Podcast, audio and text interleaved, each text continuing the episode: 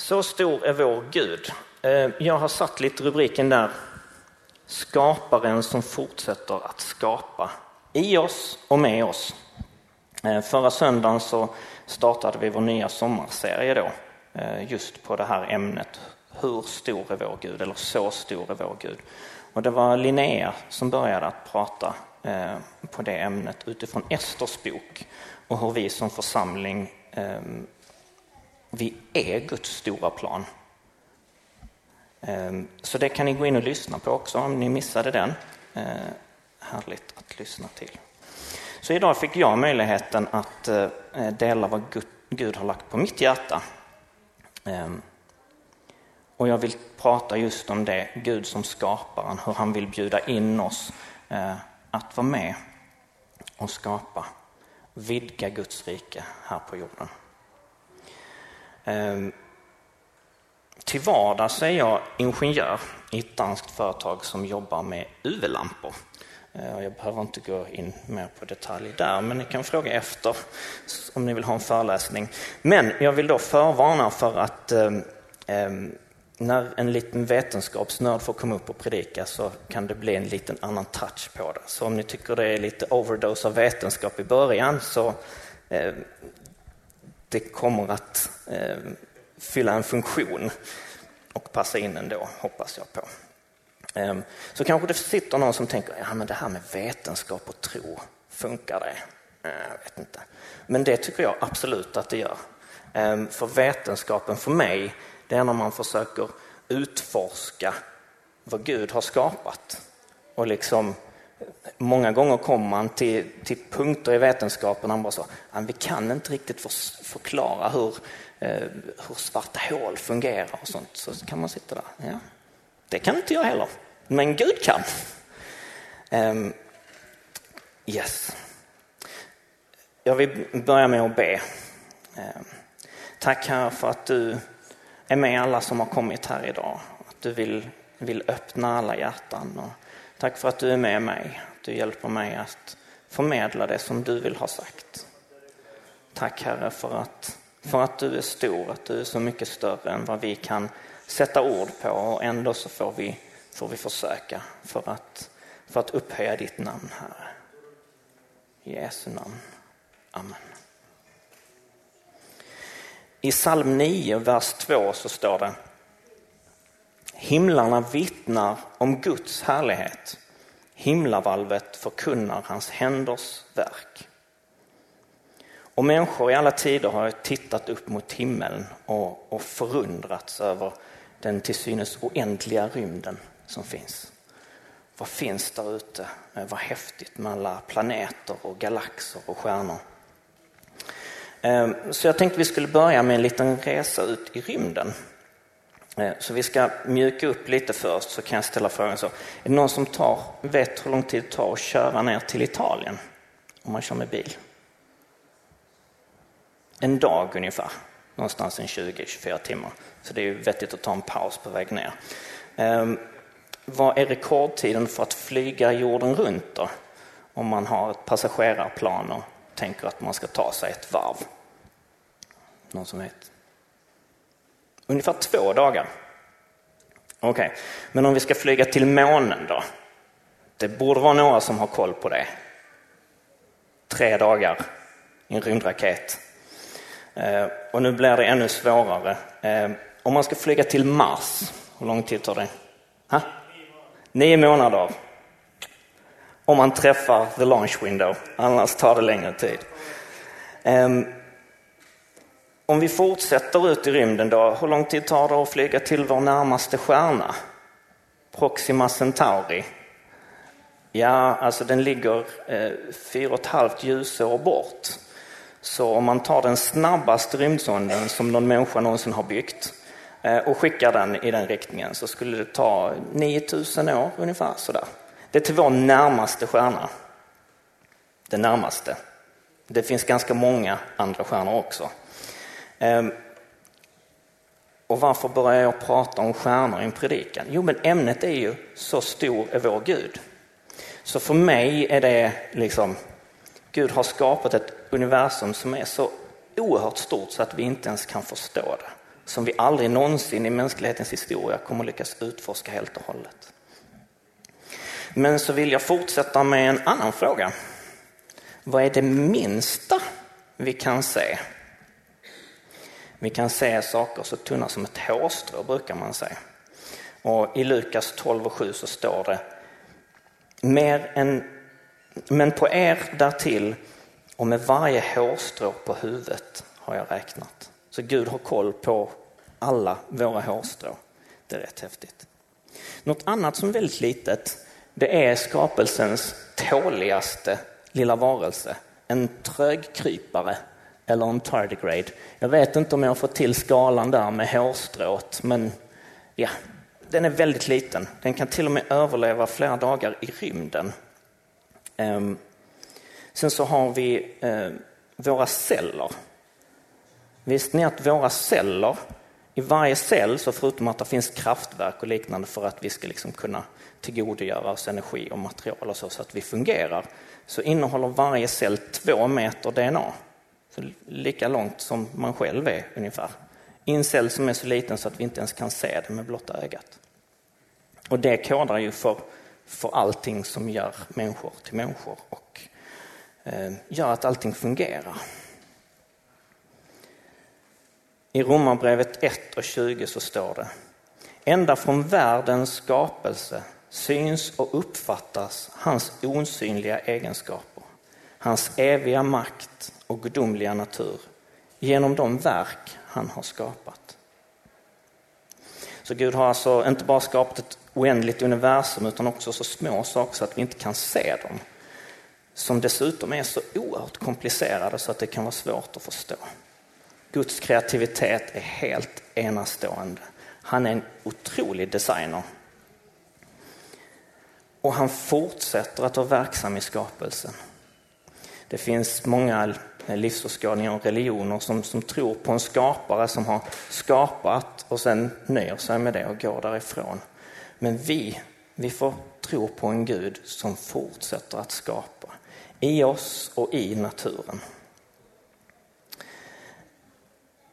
Nästa gång ni är ute i naturen så stanna gärna upp och titta på någonting och verkligen tänk vad komplicerat det är det ni tittar på.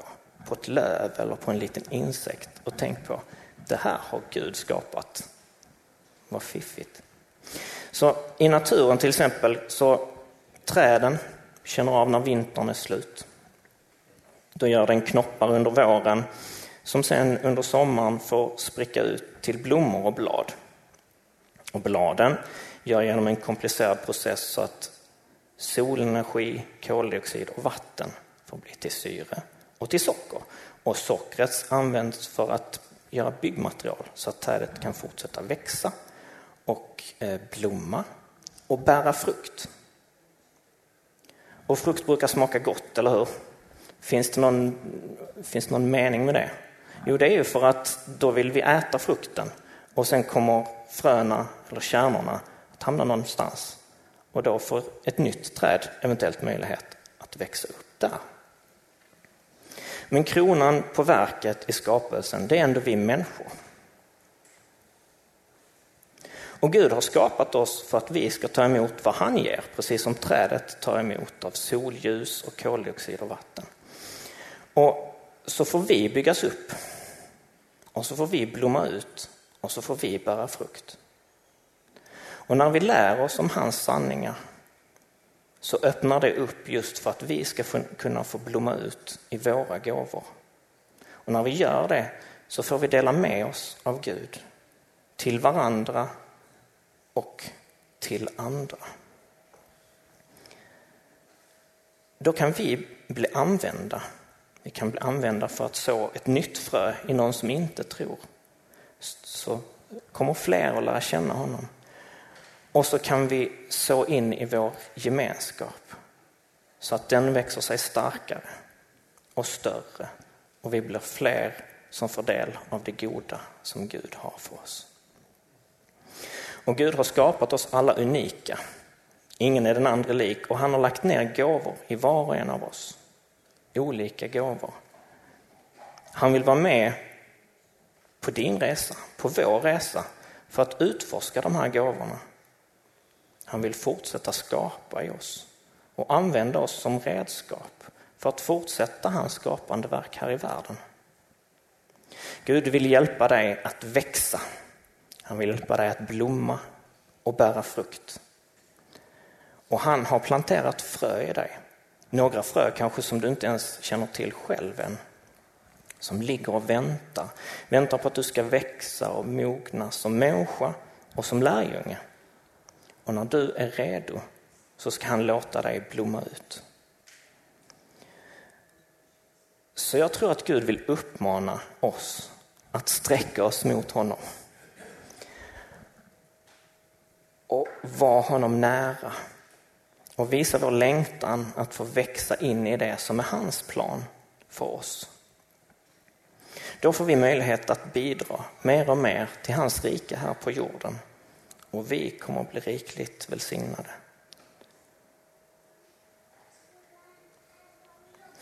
Kanske sitter här någon som lyssnar som tänker ja, det här gäller inte mig. Jag har inget att komma med. Men eh, då vill Gud säga till dig att jag ser på dig med glädje. För du är en del av Guds plan. Om du litar på honom och lägger bort tvivlet så kommer du själv eller dina omständigheter som du tvivlar på att besegras av Gud, för han är större än omständigheterna och hans kärlek har ingen gräns. Men vi som människor vi har väldigt lätt för att jämföra oss med andra. Visst är det så? Om jag var, bara var duktig på att sjunga och spela eller om jag hade bibelkunskap och karisma för att leda och undervisa. Eller om jag var social och framåt så att jag hade lättare att prata med min tro om andra.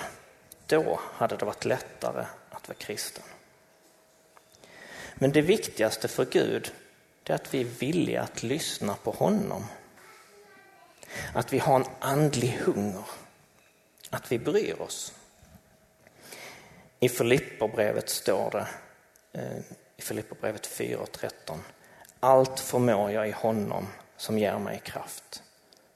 Så med Gud kan vi gå mycket längre än vi tror. När jag var liten så hade jag ett antal barnböcker och många av dem minns jag väldigt väl. För jag vet inte hur det är eh, med alla barnböcker nu för tiden, men då var det mycket barnböcker med väldigt bra sensmoral. Sådär. Då var det en som hette Den ängsliga lilla sparven. Ehm, och det handlade om en, en liten sparv som var så orolig för allting. Nu ska jag slänga mig ut och försöka flyga. Kommer vingarna att bära? Och när jag har lämnat boet, tänk om jag inte hittar någonstans där jag kan höra hemma. Tänk om jag blir ensam. Så sen när alla syskon har flugit sin kos så tar sparven mod till sig. Och så hoppar han ut och så ser han att vingarna bär. Och så hittar han ett nytt hem. Och precis som den sparven så kommer vingarna att bära när vi vågar lita på Herren. I femte Mosebok 31 och 6 så står det Var starka och frimodiga, var inte rädda eller förskräckta, för Herren din Gud själv går med dig. Han ska inte lämna eller överge dig. Bibeln är full av vanliga människor som eh, Gud använder till storverk. Moses är ett klassiskt exempel. Eh, hur ser du Moses framför dig? Om du sluter ögonen och tänker, vilken bild får du av Moses? Jag får den här bilden. Hjälten med lyfta armar, en stav i den ena, som delar vattnet så att folket kan fly undan Herren som försöker förgöra dem. Men eh, var Moses sådär jättemodig och hjältemodig från början? Eh, om vi läser från Andra Mosebok 3 och 10 eh, så så pratar Gud ur en brinnande buske till Mose och säger Gå, jag sänder dig till farao för att leda mitt folk, israeliterna, ut ur Egypten. Vad svarar Mose? Svarar han Yes, det ska jag göra. Jag kämpar för dig, Herre. Nej, han säger ehm, Vem är jag som skulle kunna gå till farao och leda israeliterna ur Egypten? Och vidare i nästa kapitel så säger han Men om de inte tror på mig, om de inte lyssnar på vad jag säger, om de säger att Herren har aldrig uppenbarat sig för mig, då säger Gud, vad är det du har i din hand? Och Mose svarar, en herdestav. Kasta den på marken, sa Herren till honom. Och när Mose kastade den på marken så förvandlades den till en orm. Alltså Gud gör ett under för att Mose ska liksom se att Gud verkligen är med honom. Men senare kan vi läsa eh, att Mose säger, Herre jag har inte så lätt för att tala. Det har jag aldrig haft och inte nu heller. Och sen, jag har svårt att uttrycka mig. Så han står alltså och pratar med en brinnande buske. Han får se sin stav förvandlas till en orm och tillbaks till en stav igen. Och ändå så litar han inte på att Gud ska hjälpa honom. Alltså, kom igen Moses. Men det slutar med att, han, eh, att Gud skickar med honom hans bror Aron. Aron är duktig på att tala, så knäcker vi det sista argumentet som Moses har. Och så får han hamna i den här situationen när han räddar hela folket. Och så finns det en annan hjälte eh, och det är hjälten Gideon som befriar israeliterna från Midjans förtryck med bara 300 man genom att använda list så att midjaniterna tror att de är så många fler att de bara flyr. Men då läser vi i Domarboken 6 och 14. Då vände Herren sig till honom och sa Gå i din kraft och fräls Israel ur midjaniternas våld. Se, jag har sänt dig. Men han svarade honom O Herre, hur skulle jag kunna rädda Israel? Min ett är ju den oansenligaste i Manasse och jag är själv från den ringaste i min fars hus. Gideon får ett uppdrag av Gud att rädda midjaniterna men han kräver tecken på tecken innan han faktiskt gör som Gud har sagt. Jag är inte själv den mest karismatiska och kanske inte den som mest gärna står på scen och pratar inför folk. Men Gud har utmanat mig. Gång på gång på gång. Och han har hjälpt mig att övervinna min rädsla. Så när jag känner att Gud kallar mig, då kan jag inte stå emot. Och då vet jag också att han bär mig. Gud är så stor och han vill skapa genom oss. Vi får ta del av Guds skaparglädje och det kan ge sig väldigt många olika uttryck. Och tillsammans får vi använda det som Gud har lagt ner i oss för att bygga församling. Det tycker jag är så viktigt. Och det nämnde Linnea i sin predikan förra veckan också. Det här att bygga församling, att vara församling. Det finns mycket vi kan bidra med. Vi kan be för gudstjänster. Vi kan be för församlingen. Vi får aldrig ringakta bönen. Bönen är så viktig. Och vi kan ge av vår tid för att hjälpa till praktiskt inför, under och efter gudstjänsten. Vi har mötesvärdar, vi har tekniker, alla de som hjälper till bakom men som kanske inte syns. Och sen så har vi musiker och talare, vi har översättare och förebedjare. Vi har så många funktioner som finns i församlingen. Vi har aktiviteter för barn och unga. Vi har fixa med fikat, diska, städa. Och så har vi en annan sak som är så viktig. Och det är att vi hjälps åt att skapa en atmosfär som gör det lättare för människor att möta Gud. Hur gör man det? Det är lätt komplicerat, skapa en atmosfär. Men det är kanske inte så svårt att försöka vara så välkomnande man kan. Att man är hängiven i det man gör. Jag vet hur mycket det, hur mycket det hjälper när man står och talar, att man kan möta någon blick som är vaken. Så vet jag att jag själv ibland är väldigt sömnig under predikan. Så jag lite så, okej, okay, man ska inte döma någon ändå om de nickar till när man talar. Ehm, och samma i lovsången, alltså om det står ett helt gäng som bara tillber Gud. Alltså det blir en sån kraft. Så jag vill uppmana att, att kom nära Gud och följ de principer som han har lagt för oss.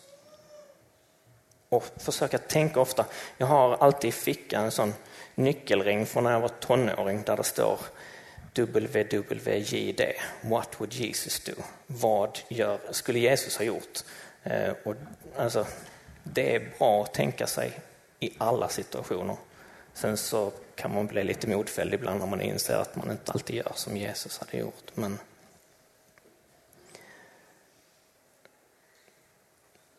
om det är en sak ni ska komma ihåg så är det det här. Gud har skapat en fantastisk värld och han fortsätter skapa i den. Och vi får vara en del i hans skapande. Det vill jag skicka med. Vi ber. Tack Herre för att, för att du är så stor. Tack för att vi får blicka ut i rymden och se storslagenheten i, i din skapelse. Och vi får också blicka ner i det som vi behöver mikroskop för att se, för att se hur fiffigt du har skapat allting. Och trots att vi bara är små människor så får vi vara med i din skapelse. Vi får vara med att breda ut ditt rike här på jorden. Och det får vi göra på så många olika sätt. Tack Herre för att du, för att du älskar din församling. För att du har sagt att ditt folk här på jorden ska vara en församling som vill sträcka sig mot dig. Som vill sträcka, dig ut mot, sträcka sig ut mot andra människor för att välkomna och bjuda in. Som vill skapa en gemenskap med dig i centrum där vi får växa. Växa oss närmre dig och växa oss mer lika dem som du har skapat oss att bli. Tack för det Herre. Tack för att du, du bär alla som, som tvivlar på sig själv eller på sin plats i ditt rike. Tack för att du värderar dem så högt och vill hjälpa dem vidare. Tack för att vi får lägga allting i dina trygga händer, Herre. I Jesu namn. Amen.